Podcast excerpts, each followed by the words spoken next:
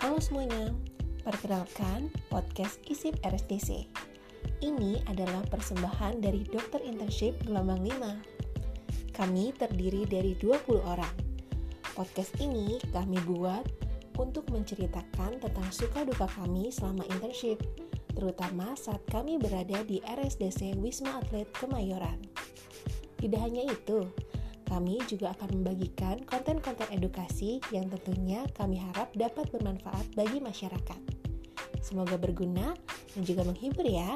Terima kasih.